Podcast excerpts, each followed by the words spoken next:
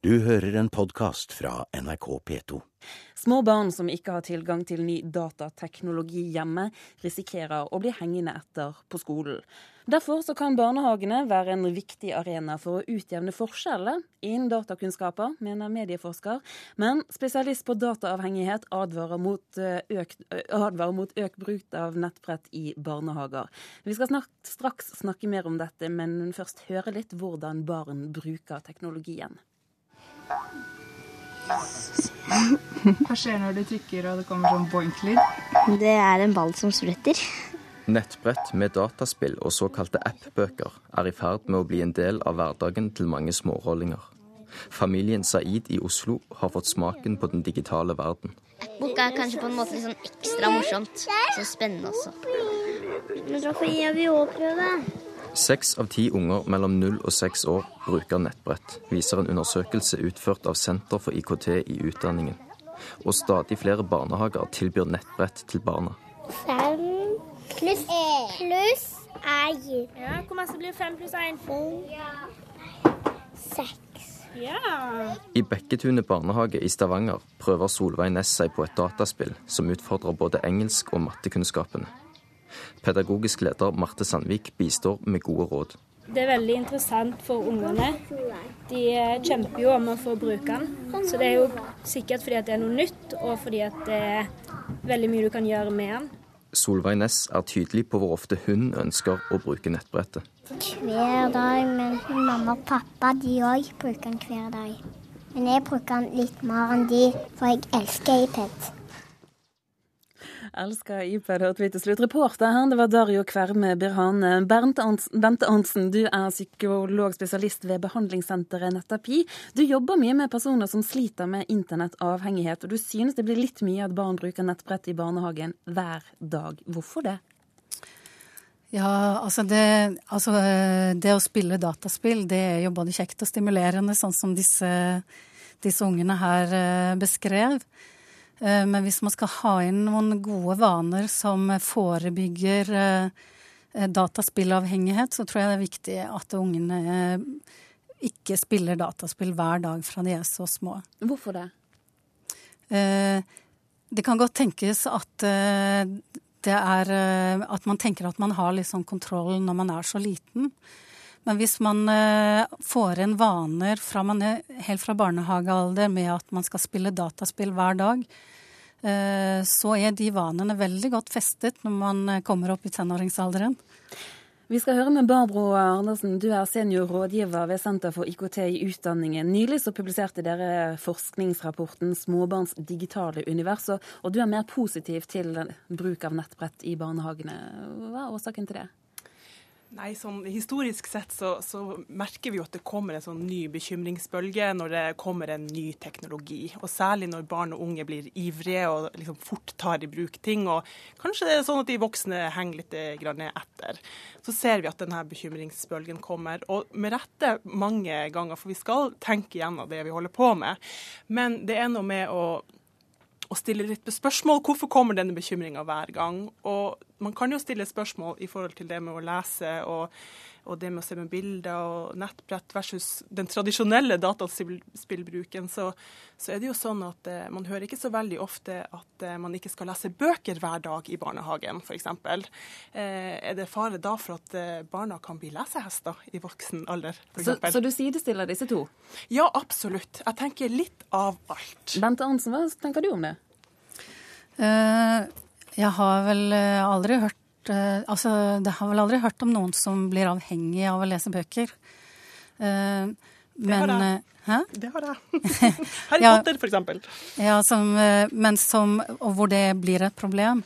Vi ser med de som får en avhengighet av dataspill, så det, så får det egentlig ganske store konsekvenser, negative konsekvenser for disse ungene og ungdommene.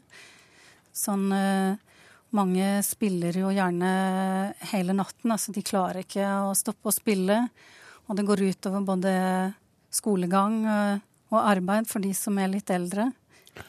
Men, ja, unnskyld? Ja, man ser jo òg gjerne at man isolerer seg sosialt, sånn at det er en del problemer knyttet til eh, intensiv bruk av spill.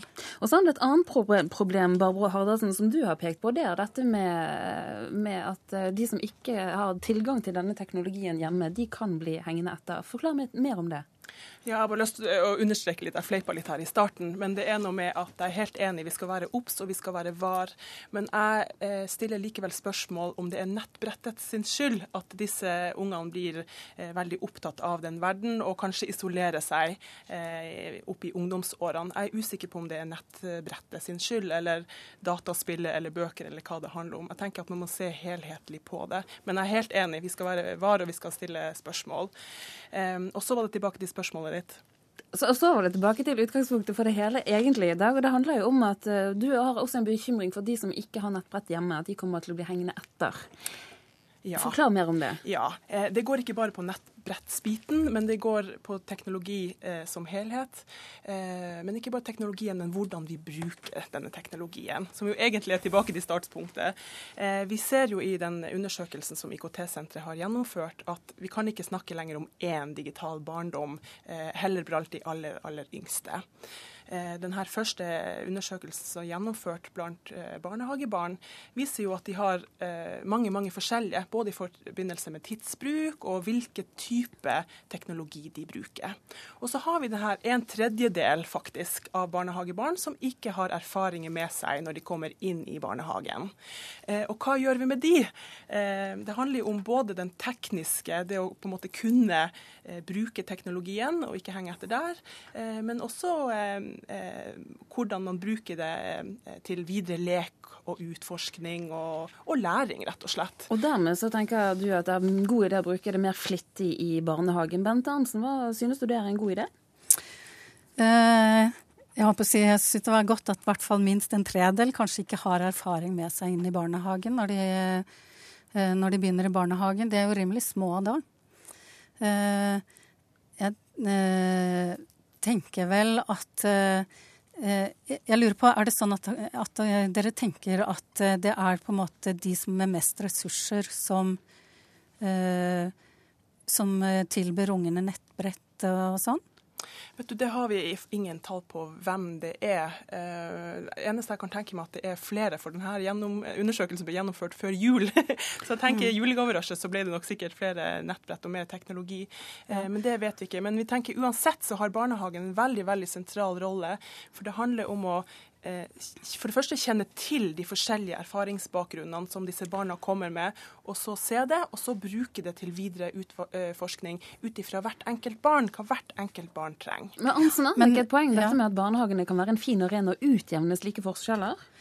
Altså, Jeg tenker vel òg kanskje at det, altså de eh, ungene som ikke har den type erfaring når de begynner i barnehagen, at det kanskje òg handler om foreldrene har gjort et bevisst valg i forhold til dette, og at de vil forsøke å beskytte ungene i for, litt i forhold til denne teknologien, og, og ta litt kontroll og regulere denne bruken fra en tidlig alder.